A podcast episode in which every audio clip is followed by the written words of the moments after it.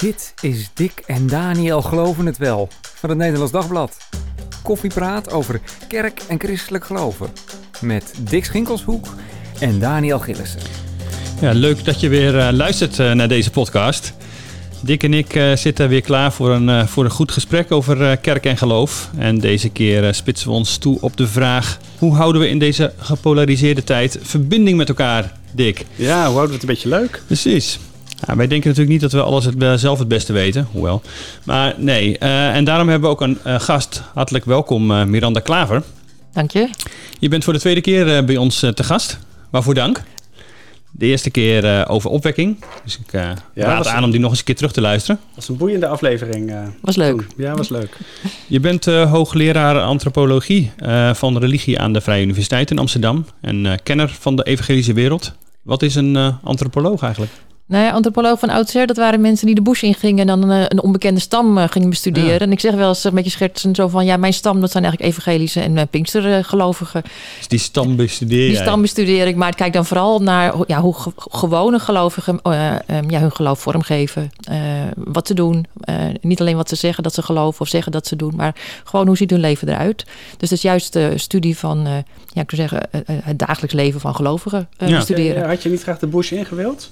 nou, ik ben wel best de bush in geweest, eerlijk gezegd. Uh, Filipijnen. Um, ja, dus ik, ik, heb wel wat rondgereisd. Maar uiteindelijk uh, ja, ben ik toch bij religie uitgekomen. En uh, ja, toch een beetje Nederland mijn vak ervan kunnen maken. Ja, precies. Maar dan ga je ook naar die stam toe, zeg maar. Hè? Ja, dus, dus ik, ja. ik hang dan altijd een beetje rond. En ik koffie drinken en zo. Dat is altijd heel belangrijk als onderzoeker. Gewoon met mensen praten en wat ze bezighoudt. Mooi. Nou, hoe kwamen we tot het thema? Ik had deze week uh, wel een beetje het gevoel van... Hey, de boel loopt uh, uit de hand als het om uh, corona en alle discussie daarover gaat. komt ook wel doordat wij van lezersreacties krijgen... die zeggen, nou, jullie lopen maar de overheid achterna. En wij dan denken dat we heel kritisch zijn als journalisten. Um, en die polarisatie neemt al zulke vormen aan... dat ik dacht, daar moeten we het echt wel eens over, over hebben. Dick, wat zie jij gebeuren in de nou ja, dit is natuurlijk, natuurlijk de week van, uh, van de, de, de, discussie over 2G die nu is losgebarsten. Hè, kun je straks als niet-gevaccineerde echt nog, uh, nog wel overal naar binnen? En daar zijn mensen woedend over. Ja, ik, ik moet mezelf altijd ernstig voorhouden dat Twitter geen afspiegeling is van de samenleving. Maar uh, ja, de, de, heftigheid die toeneemt, de, de ruzies ook in families waar ik over hoor ik, ik, maak wat dat betreft ernstig, ernstig zorgen over hoe dit, nu, uh, hoe dit nu verder moet. Naar de, naar de kerst toe, zeg maar. Van, ja. Misschien wel of niet weer met z'n allen aan, aan tafel zitten. Wordt, het, wordt het kerst in de familie, uh, Miranda? Nou ja, ik hoop het wel. In ieder geval, het zal in ieder geval weer een klein, klein nurrenkring worden. Tenminste, daar ga ik alweer van uit. Ja. Maar ik vind vooral, uh, ja, ik, je merkt een soort moeheid. Dat mensen denken, we hebben nou toch echt al zoveel uh, op, opzij gezet. Zoveel proberen daar rekening mee te houden. Ja. Um, de hele discussies die nu weer in de kerken er weer aankomen. Van wat doen we weer op zondag? Uh, um, ja, ik, ik, merk bij mezelf ook wel. Ik denk van jongens, dan gaan we weer. Ja. Uh, ook op de universiteit. Uh, ja, hoe, hoe, gaan we het allemaal weer, weer regelen en het weer doen met elkaar? Precies. Maar daar komt ook een soort, soort ressentiment tegenover niet-gevaccineerden vandaan, toch? Dat, die voel ik ook. Van jongens, doe nou even mee. Dat aan de ene kant en aan de andere kant niet, niet gevaccineerd die denken wij worden buitengesloten. Ja, dat, dat, dat, die, die, tegenstelling merk je inderdaad heel erg. En tegelijkertijd ook wel de vraag van ja, vaccinatie zou toch de oplossing zijn. En dat blijkt toch ook wel weer ingewikkelder te zijn. Hè? Als je dan weer hoort dat het uh, vaccin na misschien een bepaalde periode dan weer niet meer werkt. Dus uh, ja, dat voedt dan toch ook wel het hele verhaal wat elke keer gecommuniceerd is. En ik merk dat ik bij mezelf ook wel een beetje denk van ja, maar, maar, maar wat voor wereld gaan we nu naartoe? Hoe, ja. zien de, het komende jaar? Of misschien, ja, hoe, hoe gaan we daar, uh, daar verder mee? Ja, ja we worden er doodmoe van. Precies. Nou ja, de andere reden om hierover te praten is ook het gesprek wat wij vorige week in uh, deze podcast hadden met Laurens van der Tang, opiniemaker in uh, reformatorische kring. Hij had een lezing in een kerk gehouden waarin hij zei van ja, toch een soort de mogelijkheid openhoudt dat er kwade bedoelingen zitten achter de Great Reset. Uh, een plan van uh, het World Economic Forum. Um, uh, maar wat, nou ja, onze ideeën krijgt dat eigenlijk heel weinig vorm. dus wij dachten, hey, dat stimuleert toch eigenlijk de polarisatie als je er zo over praat. Maar hij zei, ik wil waakzaam zijn. We gaan even naar hem luisteren. Uh, Great Reset kun je, je kunt geen is gelijkteken zetten tussen Great Reset en complot. Mm -hmm. uh, en ik denk dat ik dat op overvloedig duidelijk heb gemaakt in mijn lezing. Het is de titel van een boek. Ja. Het is een woord wat door veel wereldleiders uh, gebruikt is. later zijn ze daar Build Back Better ja. voor gaan, gaan gebruiken. En als je Klaus Schwab leest, dan is het hoofdzakelijk een beschrijving van grote ontwikkelingen die gewoon gaande zijn. En die op zichzelf ook ja, niet te ontkennen zijn. Dat er een versnelde ontwikkeling is naar een digitale wereld. Uh, dat de banken enorm in actie zijn gekomen en allemaal op dit moment geld drukken. dat zijn gewoon dat zijn feiten. En dat alles bij elkaar wordt aangeduid als de Great Reset. Ja, het was een enorm goed beluisterde podcast die nog steeds hard uh, doorloopt. Mensen vinden dit blijkbaar uh, interessant. Miranda, hoe vind je ervan dat wij zo iemand aan het woord laten hierover?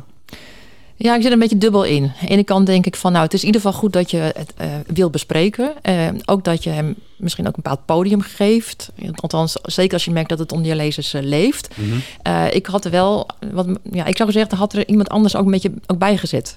Die wat misschien meer inzicht heeft en ook, ook echt een ander tegengeluid kan laten horen.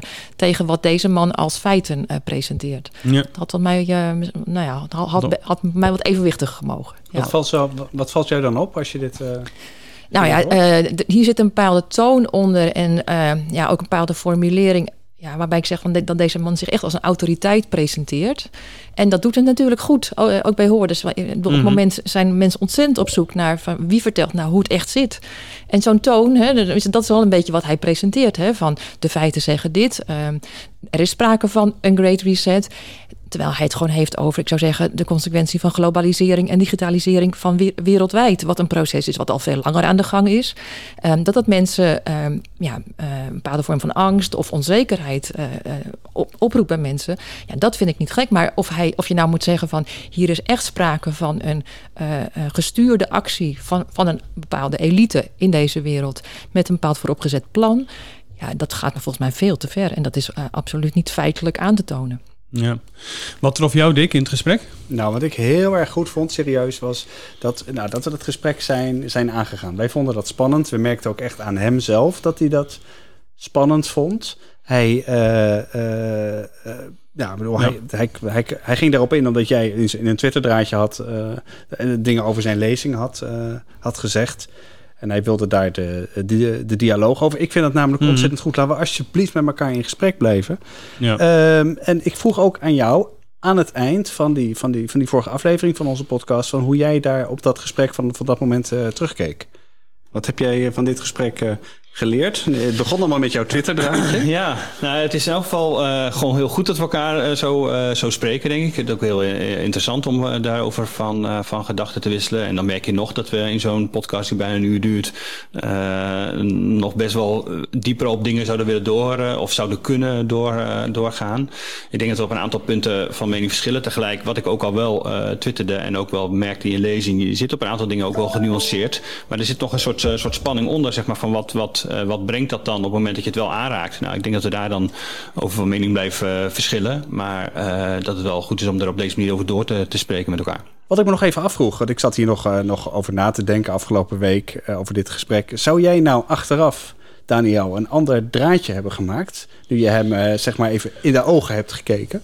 Nou, het is altijd, als je met iemand in de ogen kijkt, voel je net iets ander gesprek dan als je achter je toetsenbord zit. Dat is natuurlijk vaak wat je ook uh, bij andere mensen treft die hele heftige dingen uh, op Facebook of wat dan ook uh, zeggen. En als ze dan op een ander moment erover spreekt, dan blijkt het hele lieve, aardige mensen te zijn. Nou ja, ik denk dat ik het wel belangrijk vind om gewoon ook iets wat publiek plaatsen, dat je het ook publiek kunt becommentariëren. Of aan in dit geval, mij betreft, aan de kaak stellen. Het feit dat je toch iets uh, roept en daarmee een, uh, ja, de polarisatie eigenlijk niet, uh, in ieder geval niet tegengaat, maar eerder bevordert, omdat je allerlei dingen suggereert, dat het ook wel gezegd moet worden. Um, ik denk ook dat, uh, zat ik wel over terug te denken over dit gesprek, ook al wat Miranda er net over zei, van zijn we journalistiek niet nog wat te, te zacht geweest? Uh, tegelijk denk ik, ik heb elke keer wel, hebben we doorgevraagd op een heel aantal punten van hoe kom je hierbij en hoe zit dit uh, dan? mijn persoonlijk gevoel is wel nog steeds, wat ik eigenlijk toen ook al meteen even zei, van blij dat we dit gesprek hebben gehad en dat het niet eindigde in die polarisatie, want op zich heb je daar niet heel veel aan. Het is wel ergens zoeken naar van waar uh, uh, vinden we elkaar dan? En dat is er blijkbaar ook. En dan is het ook wel goed om dat op die manier uh, met elkaar ja, te bespreken. Ja, ja, zeker ook omdat je, je, je, je hebt iets met elkaar, omdat je allemaal gelovigen bent. Je bent christen, je hebt iets met, met, met de kerk, met God, met, met Jezus. Dat is een soort gezamenlijke grond. Ja, in die zin ben je, ben je ook een soort familie, zou je kunnen zeggen. En moet je ook iets met elkaar. Je moet ook iets met die onhandige broer of die verschrikkelijke zus die... Uh, ja, waar, je, uh, ja, waar je van nature niet zo heel snel naartoe zou trekken. En misschien is dat in de kerk ook wel zo. En moeten we dus al met elkaar? Ik ben wel benieuwd, uh, Miranda, hoe jij daarnaar kijkt. Moeten we wel met elkaar in gesprek blijven? Nou, zeker met elkaar in gesprek uh, blijven. Maar ik denk elkaar ook wel eens even, gewoon even, even toespreken. Mm. Van, van wat, wat, wat, wat zijn we nu met elkaar aan, aan het doen? Hè? als je ja, zegt, dan bedoel je gewoon, wat ben jij nou aan het wat doen? Ben jij nou, nou ja, goed, als je zegt, we zijn, we zijn met elkaar een, een familie. Nou, in families wordt natuurlijk ook wel eens wat harde noten gekraakt.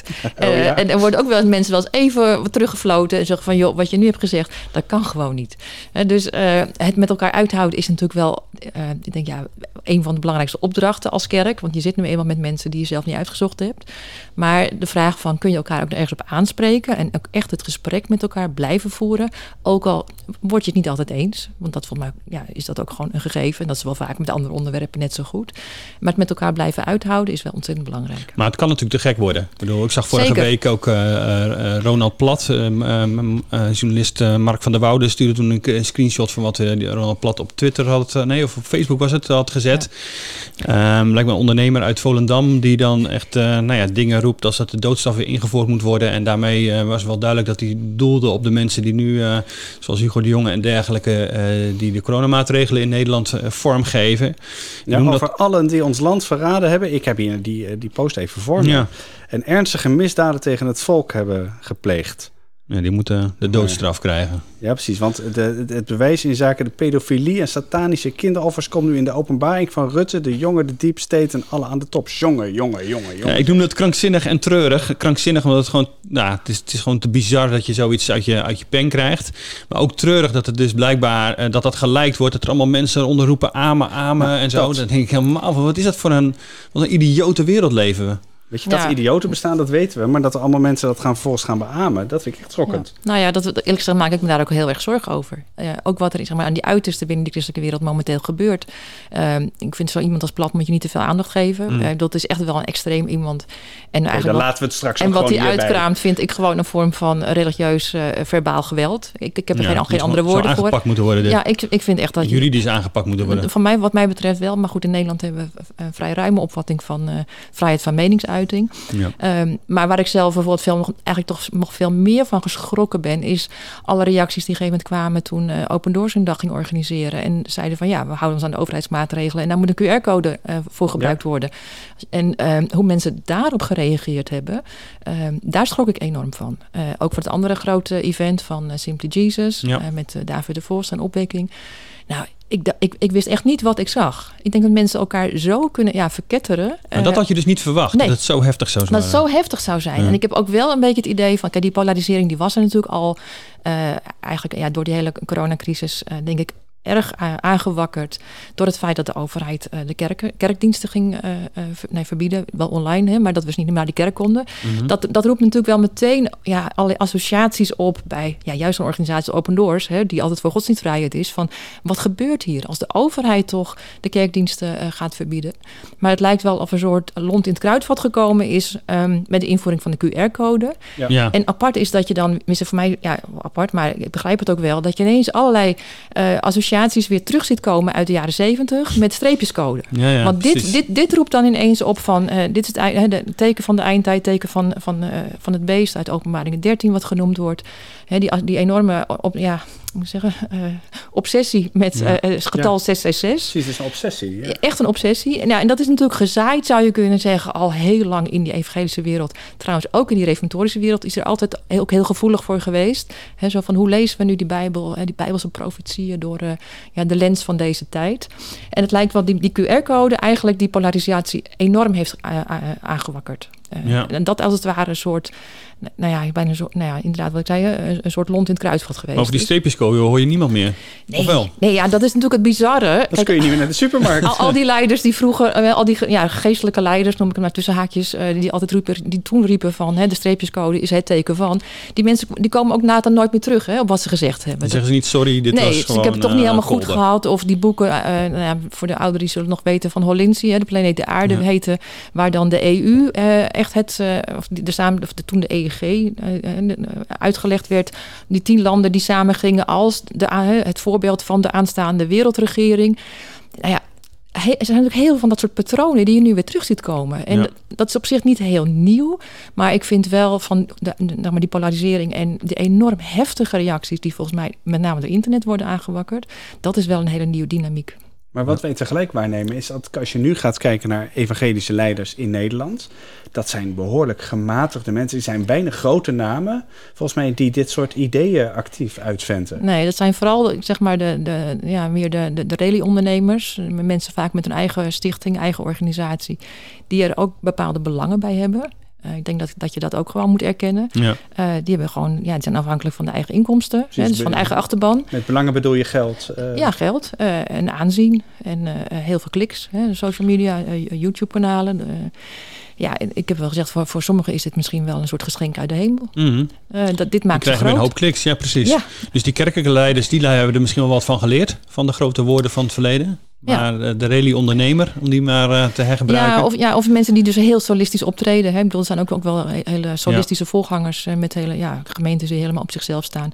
Waar je dit ook wel ziet uh, terugkomen. Ja, nou kijk, dus, Dick noemde net ook al de 2G. Dat is natuurlijk dingen die dat je alleen maar als gevaccineerd of genezen straks nog wellicht. We moeten even afwachten wat de coronapersconferentie van ons nou vanavond, want we nemen dit op vrijdag op, precies gaat, gaat brengen. Maar als die er gaat komen, wakkert natuurlijk wel het overheidswantrouwen weer enorm aan. Ja. Hoe, hoe kijk je daar tegenaan? Is dat dan in die zin uh, verstandig? Nou ja, dat, dat wantrouwen naar de overheid is natuurlijk breder in de samenleving dan alleen onder christenen. Ik denk dat het voor christenen, binnen de christelijke wereld, uh, een extra gevoeligheid is als het gaat over kerkdiensten die, uh, die, kerk, die kerken die dicht moeten. Dat, dat heeft er duidelijk mee te maken. Um, maar je zou kunnen zeggen dat er toch in brede zin in onze samenlev samenleving uh, ook steeds wel meer een vorm van gezagscrisis is. Hè? Zo van, van wie, mag nog iets zeggen? En uiteindelijk zijn mensen natuurlijk steeds meer het idee van ja, wat waar is, wat ik doe, waar, de keuzes die ik maak. Uiteindelijk wil ik, moet ik dat zelf bepalen en wil ik dat ook zelf bepalen. Mm. En die crisis gaat dus de kerk ook niet voorbij. Dus nee. iedereen, zeg maar, die enige vorm van gezag heeft of dat pretendeert te hebben, die is eng, zeg maar. Dat is, nou, eng, maar ja, dat, ja, dat is ook een mening, hè? Wordt, wordt dan gezegd. Ja, precies. De wetenschap. de wetenschap is ook een jij mening. Bent wetenschapper. Ja. Wat jij doet is, is ook maar een mening. Nou ja, goed, dat, dat wordt nog alles... Uh, dat, dat, dat is natuurlijk tegenwoordig wat je veel hoort. Hè? Uh, zo van wetenschap, ja, wat, wat stelt dat nu eigenlijk voor? En dat, dat is natuurlijk, ja, je zou kunnen zeggen... het is een enorme crisis ook aan... Um, ja, de feitelijkheid of de opbrengst en, en wat we en ook denk ik heel veel mensen hebben ook weinig idee van wat wetenschap is. Hè? Mm. Dus daar, daar, zit, daar zit echt een soort ja, gevoel van crisis onder, zou ik zeggen. Van ja, wat is waar in deze tijd? Ja. En de media speelt daar denk ik een enorm belangrijke rol in. Ja, als we het even over die, die, die feiten hebben. Je kunt inderdaad van mening natuurlijk van elkaar, met elkaar uh, verschillen. Maar je moet het wel over dezelfde feiten hebben. We hebben ook, Laurens van der Tang had het over Australië. Laten we daar even naar een fragment luisteren en bespreken we het daarna even. Nou, die is er denk ik ook in een bepaalde mate. Uh, bijvoorbeeld, je ziet nu wereldwijd toch meer een beweging naar staatsgestuurde samenlevingen. Uh, die ook soms wat totalitaire trekjes uh, beginnen te vertonen. Bijvoorbeeld, ik zat gisteren te kijken naar Australië. Wat daar nu op dit moment gebeurt. Daar is de uh, vaccinatie is verplicht voor iedereen. Er zijn geen uitzonderingen op. Daar, uh, vervolgens moet iedereen zo'n coronapas ook verplicht gebruiken. Uh, dus je kunt niet winkelen, je kunt niet werken, je kunt niet naar de kerk gaan zonder dat je je pasje laat, uh, laat dus zien. Zonder, dus zonder dat je geprikt bent? En zonder ja. dat je geprikt bent. Daar staan mega boetes op.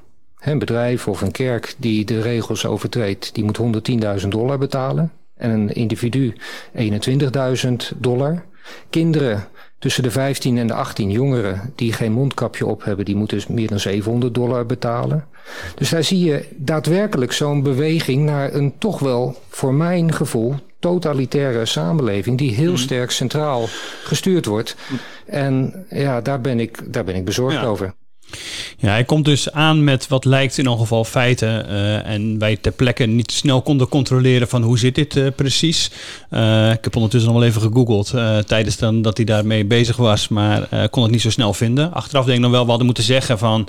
We kunnen het niet zo snel controleren, maar nou ja, dat gaan we achteraf nog doen. Dat hebben we achteraf gedaan. Klein beetje pijnlijk. ons eerste verhaal erover in het Nederlands Dagblad, die klopte ook niet helemaal. De teneur was, niet, was een beetje eenzijdig en ook niet alle feiten klopten. Dat zetten we gewoon ruimhartig uh, recht. Maar even terug naar wat Van der Tang dan uh, zegt. Hij zegt dat de, het is inderdaad zo dat de overheid stevig ingrijpt. Maar uh, er zijn gewoon een heel aantal suggesties. En ook van andere tegenstanders tegen het beleid in Australië. Die zijn nogal, uh, die kloppen niet of die zijn nogal overdreven. Er is geen vaccinatieplicht. Maar het is wel zo natuurlijk dat je zonder prik niet overal terecht kunt. Er zijn medische uitzonderingen. Dat je geen prik hoeft te krijgen. Um, je kunt ongevaccineerd wel naar de kerk. Maar met minder mensen. Dus die zien zo dat het helemaal niet mag. En um, um, er zijn ook boetes, maar hij noemt wel de, ja, de theoretische maxima, zeg maar, die alleen maar door een rechter opgelegd kunnen worden. Bovendien voor uh, kinderen zonder mondkapje is geen 700 dollar, maar 40 tot 80 dollar, dus 25 of uh, 50 euro.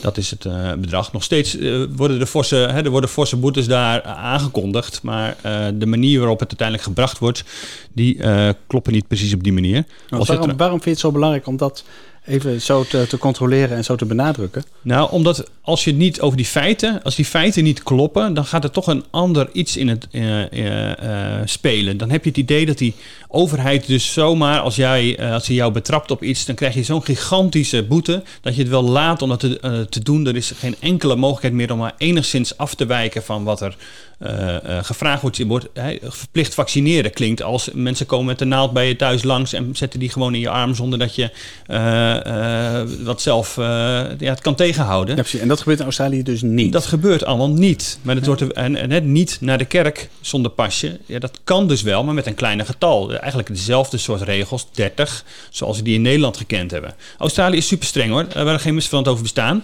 Uh, hebben gewoon een hele zware lockdown gehad en zijn nu vanuit die lockdown naar een soort 2 2G-maatregel uh, gegaan. Dat komt ook omdat ze in Australië het beleid hebben: we willen gewoon geen coronadoden. Dat is eigenlijk waar zij op uit zijn. We willen gewoon niet accepteren dat corona mensenlevens bij ons kost. Nou, dat is een manier van uh, uh, overheidsdenken. Daar kun je van alles van vinden. Daar mag je dus met elkaar over praten. Maar dat is wat er feitelijk gebeurt. En is dat een totalitaire staat? Of is dat een staat die probeert zijn mensen te beschermen? Ja, nou ja, dat lijkt me heel belangrijk dat die feiten inderdaad goed gecheckt worden. Ik dacht ook dat het niet voor alle deelstaten was, maar dat dit... Uh, Victoria met name. Precies, dat met Victoria uh, met ja. name was, precies. Maar het geeft wel aan dat het hele sentiment van straks komt er een totaal, totalitair regime. Hè? Ook waarschijnlijk hier in Nederland. Die overheid die van alles wil. Uh, we moeten waakzaam zijn ergens begrijp ik dat ook wel hoor. Uh, ik heb ook wel uh, een gesprek gehad met een dominee die gegeven zei van... joh, het zal toch niet zo zijn dat er nu allerlei ontwikkelingen gaande zijn in Nederland of in de wereld... Mm -hmm. uh, zoals in de jaren dertig, wat de kerk niet zag... Ja. Uh, en, en, en, nou ja, goed, hè, nou ja, goed. Wat je daar dan ook van vindt. Hm. Want ik, ik denk dat die, die vergelijking absoluut niet opgaat. Nee, maar je wil alert blijven. Maar je wil alert blijven. van we moeten het niet over het hoofd zien. Precies. We zouden toch, hè, hoe zou het verschrikkelijk zijn als als kerk gewoon niet waakzaam zijn? Dat woord ja. waakzaam wordt natuurlijk ook heel veel, moet mm -hmm. ik zeggen. Ja, precies. Um, als je nou het woord nuchter, dat Peter is daar volgens mij tegelijk bij gebruikt, net zo vaak zou horen. Nuchter en waakzaam. Ja, dat zou echt spelen. helpen. Hè? Ja, ja. Ja. Maar ja, ook dat idee van wakker zijn. Ik, ik moest ook nog later weer terugdenken aan een boek wat een paar jaar geleden ook heel veel op, opmars deed in Nederland. Wake Up. Dat oh, was ook zo'n boek over eindtijd.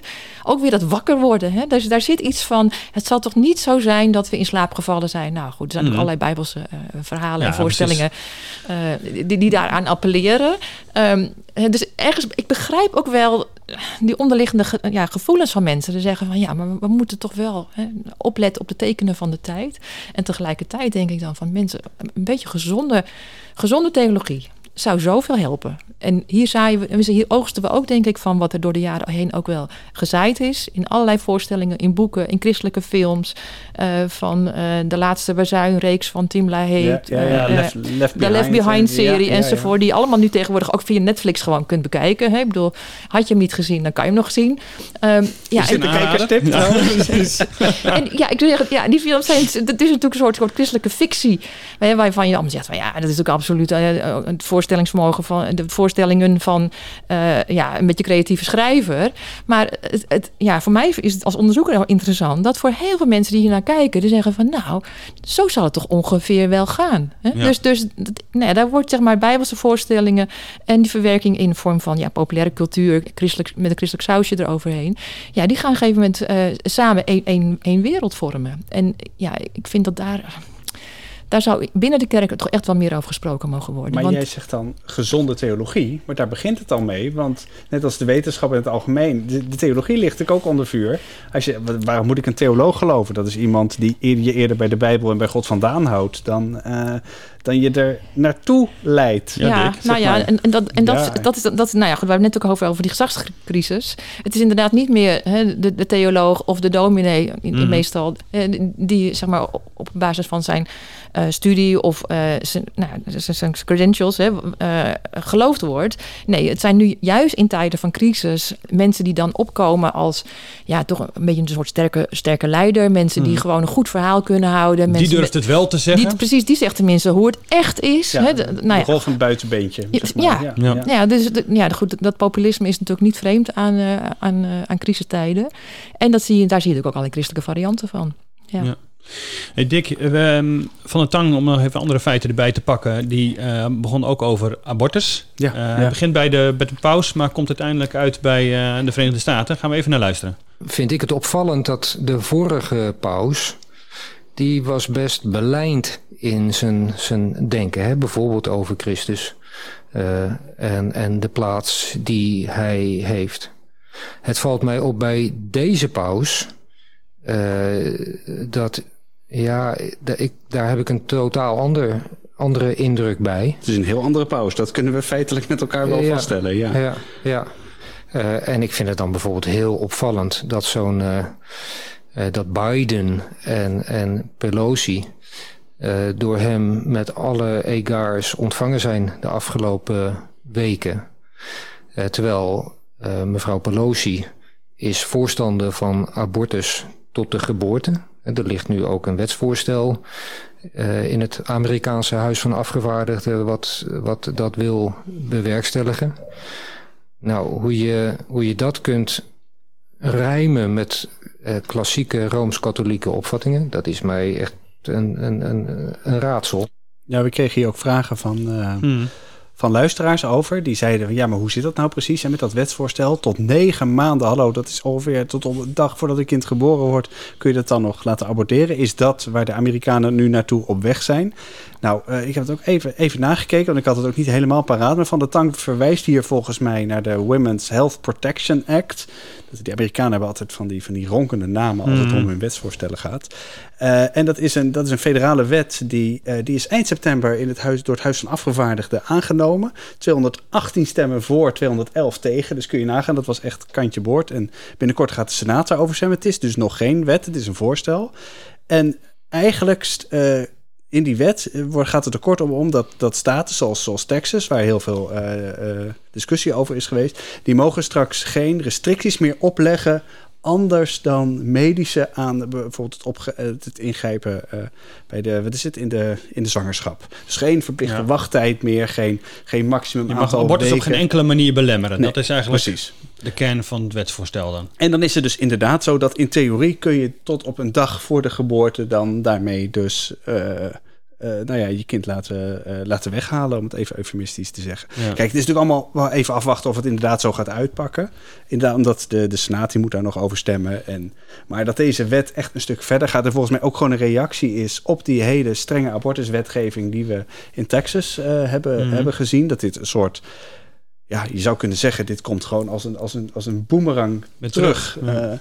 Het is in het uh, midden in het gezicht van, van alle pro-lifers die, uh, die al victorie krijgen om die strenge abortuswetgeving in Texas.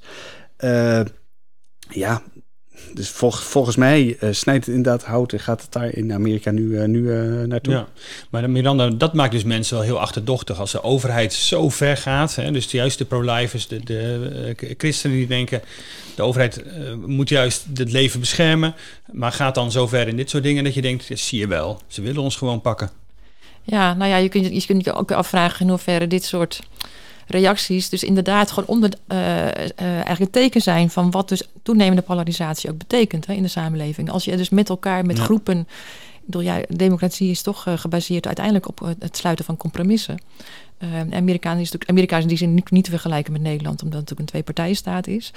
Um, maar ik zou zeggen, van, waarom, ja, ik zou bijna zeggen, de christenen kun je er ook op aanspreken dat ze zeg maar, door extreem mm. beleid en niet deelnemen aan het debat, maar vooral hakken in het zand en zeggen van hier zetten we de, stellen we de streep en, uh, en niet anders.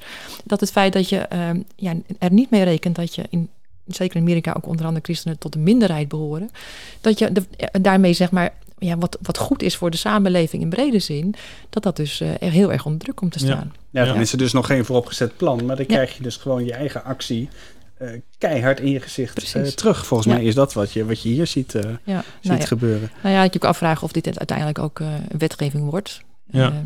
het feit dat het al zo half-half ligt. Nou, ik zie het nog niet helemaal gebeuren, maar goed, ja. Nee, we gaan het meemaken. Het is in elk geval, het, het ligt inderdaad voor, daarin dat Laurens van der Tang gelijk in onze, eh, wat is het, in onze vorige podcast. Uh, maar die, maar dat, dat sentiment, dat, ik blijf dat nog wel, ik ben wel benieuwd hoe jullie daarnaar kijken, ontzettend fascinerend vinden. Dat, een, uh, nou, dat vooral in christelijke kringen een idee bestaat, er is een soort plan. En dat zie je op alle mogelijke manieren. Dat zie je dus bij abortus, dat zie je mm. bij Netflix, dat zie je bij, om ons, wat is het, uit elkaar te spelen, om ons monddood te maken, om ons... Um, ik heb daar een, uh, wat is het, een fragmentje van gevonden. En eh, stel voor dat we even naar gaan luisteren. Het is ongeveer twee, twee minuten. We, uh, we horen hier een voorganger van de Baptistengemeente uit Alkmaar, Renny Schoorstra. En die vertelt wat volgens hem de grote agenda is achter alle afzonderlijke maatregelen en gebeurtenissen. We, we moeten zo weinig mogelijk verkeersbewegingen maken. We moeten ook zo weinig mogelijk contact hebben met elkaar. Dat heeft ook alles te maken met die coronacrisis. We moeten zo weinig mogelijk contact met elkaar hebben. Het nieuwe contact, contact is bijvoorbeeld Netflix. Daar heb je toch genoeg aan?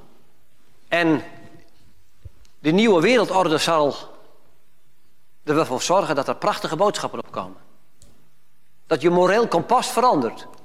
Dat je niet meer veel in die Bijbel leest, maar dat je naar Netflix luistert. En kijkt en hoort. En zo wordt je leven veranderd. Het oude normaal. Waar de Bijbel over spreekt. Wat zo fundamenteel is. Het huwelijk. Het gezin. Relaties. Het gemeente zijn. De liefde. Draagt elkanders lasten. Verdwijnt. Dat wil men laten verdwijnen. Afstand. Geen beweging meer. Niet meer vliegen. Nou heb ik toch niet zoveel behoefte aan, maar ook niet in je auto. En zoveel mogelijk thuis. Gevangen zijn gaat gebeuren. Dat is de agenda die er aan zit te komen. Want we willen toch niet ziek worden, hè? Het is voor uw veiligheid. Echt, het is voor uw veiligheid, hoor. Dat u eenzaam bent, ach, dat doet er niet toe. En ook dat u uw geld inlevert, is ook alleen maar goed voor de anderen. Vooral voor de, de toppers. Ja, um, kijk, wat mij dus hier enorm in opvalt, is dus dat al die dingen die op zichzelf min of meer wel kloppen, hè, waar zijn, afstand houden, voor de Netflix gekeken, uh, je moet thuis gaan werken, nou, noem, noem allemaal maar op. Mhm. Dat daar een soort, dat wordt er een soort, als dat een soort kralen zijn waar een soort lijntje doorheen wordt getrokken. En dat wordt allemaal aan elkaar verbonden als een soort uh, meesterlijk plan om, ja, eh, Miranda, waarom, waarom eigenlijk? Ja, nou als ik hier naar luister, ja, het valt mij e-, enorm op dat dit eigenlijk gewoon een hele populistische retoriek is. Het is een enorme tegenstelling tussen men, is heel ongedefinieerd. Ja, mhm. wie men. Als men, die ander. Nou ja, de, de, de elite. Mm. Uh, nou ja, de, de, de, de, ja, de wereldleiders. De wereldleiders, het bedrijfsleven enzovoort. He, daar, nou ja, daar zit zeg maar uh, het kwaad, uh, zou je kunnen zeggen. En wij als ja, gewone mensen ja, worden gemanipuleerd, worden, onze vrijheid wordt afgepakt. ja, wij zijn eigenlijk slachtoffer daarvan. En ja, zo'n tegenstelling hè, van wij gewone mensen, het volk, nou ja, het christelijke volk, de, christelijke, de christelijke gemeente versus de grote elite. Ja, dat zijn natuurlijk bepaalde manieren van retoriek. Uh, ja, dat, past gewoon in hele populistische schema's, zou je kunnen zeggen. Is ook heel kenmerkend voor tijden van onzekerheid en crisis. Doet het gewoon goed met mensen. Want ja, het versimpelt, zeg maar, wat er allemaal om je heen gebeurt in een hele chaotische wereld waar we allemaal niet zo goed weten uh, hoe de komende maanden, hoe de komende jaren eruit gaan zien. En dat geeft mensen een bepaalde vorm van hou vast. Bedoel je daarmee dat het alternatief, zeg maar, we weten het ook allemaal niet en dit is een virus zonder doel en zonder zin, dat ons, dat ons overkomt en we zien, en we zien de regeringsleiders zien we schipperen en schuiven en, en, en ook maar zoeken, want die weten het ook allemaal niet, dat dat alternatief, zeg maar, dat dat erger is dan het hele idee van dat er een of andere mastermind uh, ons, ons, ons, ons, ons leven probeert. Uh... Nou, zoiets. En, en wat ik dan dus ontzettend mis, dan, dan zou ik zeggen van een beetje gezonde theologie. Op zijn minst zou je kunnen zeggen van eh, wat voor patronen zien we in de Bijbel als uh, nou, bijvoorbeeld het volk Israël gegeven moment in ballingschap leeft. En wat voor opdracht krijgen ze? Hoe gaan ze ermee om dat ze op een gegeven moment eh, als minderheid in moeilijke omstandigheden zijn? Nou, die zaten onder een regime, uh, niet te vergelijkbaar natuurlijk met, mm. met, wat wij hier in Nederland met, met onze democratie meemaken. Ja, opdrachten die je dan ziet in de Babylonische tijd. Het gaat van zoek de vrede in de stad. Zoek de vrede, hè, eh, plant, uh, tuin, leg tuinen aan. Uh, ze zoeken elkaar op.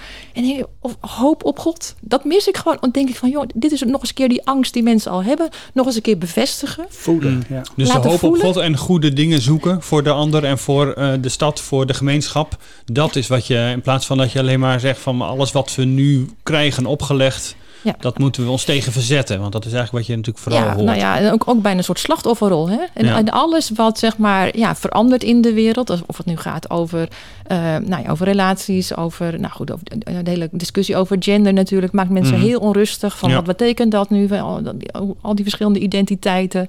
Uh, ook alles komt ook bij elkaar. Ja, het wordt allemaal veel groter gemaakt en aan elkaar gekoppeld. Wat niks met elkaar te maken heeft. Niks met elkaar te maken, absoluut niet. Dus ja, ja goed. Mhm. Nou is dit wel een hele... Het heet een baptistengemeente, maar het is helemaal onafhankelijk en nergens bij aangesloten. Oh Laten we het even voor de baptisten even opnemen, even, even opnemen want die, die vinden dit ook niet fijn hoor. Dat weet ik, dat weet ik ook wel uit mijn contracten. Ehm, ja, dit is nou typisch zo'n, ja, ik zo zelfmeet voorganger. Uh, ja, die zijn eigen kleine koninkrijkje heeft. En daar gewoon, uh, ja, zeker een vrij succesvol YouTube-kanaal uh, onderhand heeft. En dus ook groot kan worden tussen haakjes in zo'n periode van crisis. Ja, hoe, hoe kun je hier nou als kerk als christenen met elkaar mee, mee omgaan. Ja, ik blijf nog even met dat beeld van ja. die familie zitten hoor. Dat ja. die, die lastige nou zus en die irritante nou broer. En, en, wat, wat ik dus hier, zeker, nou goed, ik wil niet te veel alleen op deze casus ingaan. Maar wat hier natuurlijk speelt, is dat deze persoon en deze kerk nergens bij aangesloten is. Nergens bij aangehaakt is.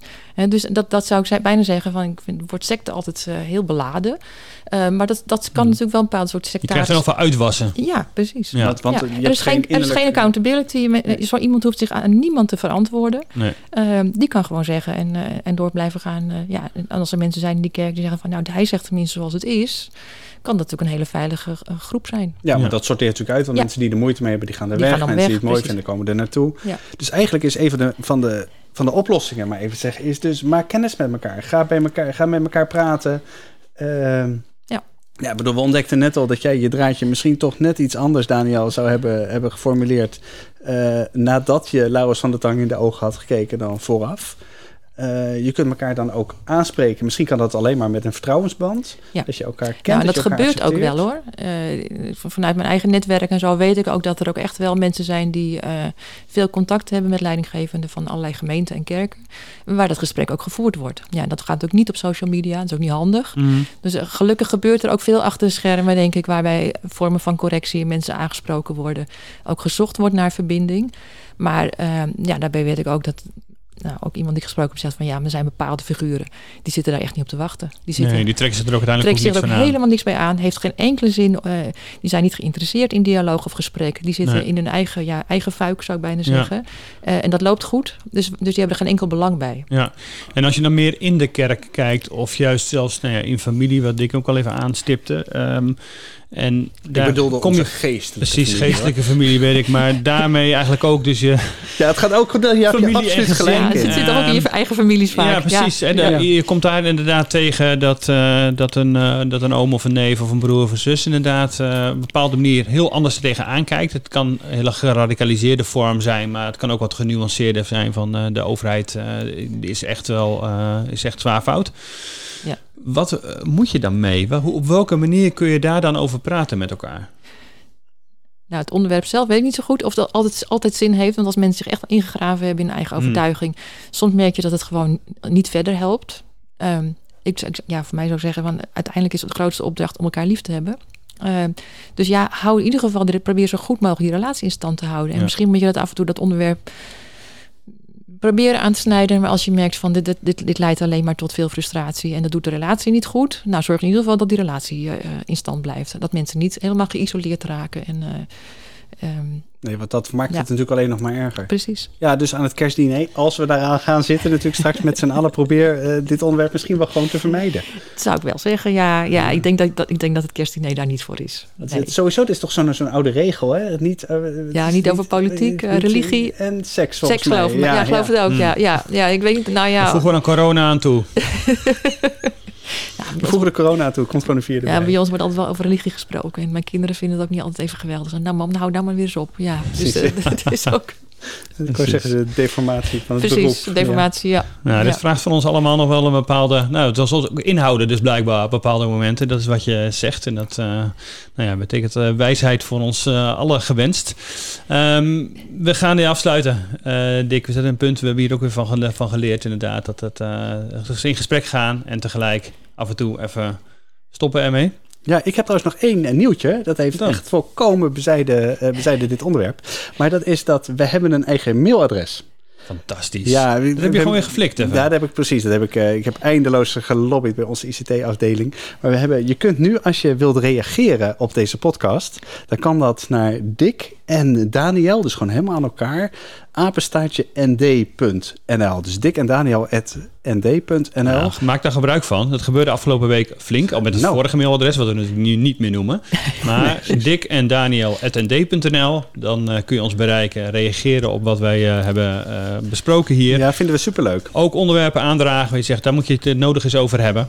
En vind je het fijn om dus naar deze podcast te luisteren en overweeg dan eens om ons te steunen nd.nl slash abonnement kun je voor 1,75 per week je bijdrage leveren. En dan kunnen wij deze podcast blijven maken. En dan kun jij alles lezen op onze site. Tot volgende week.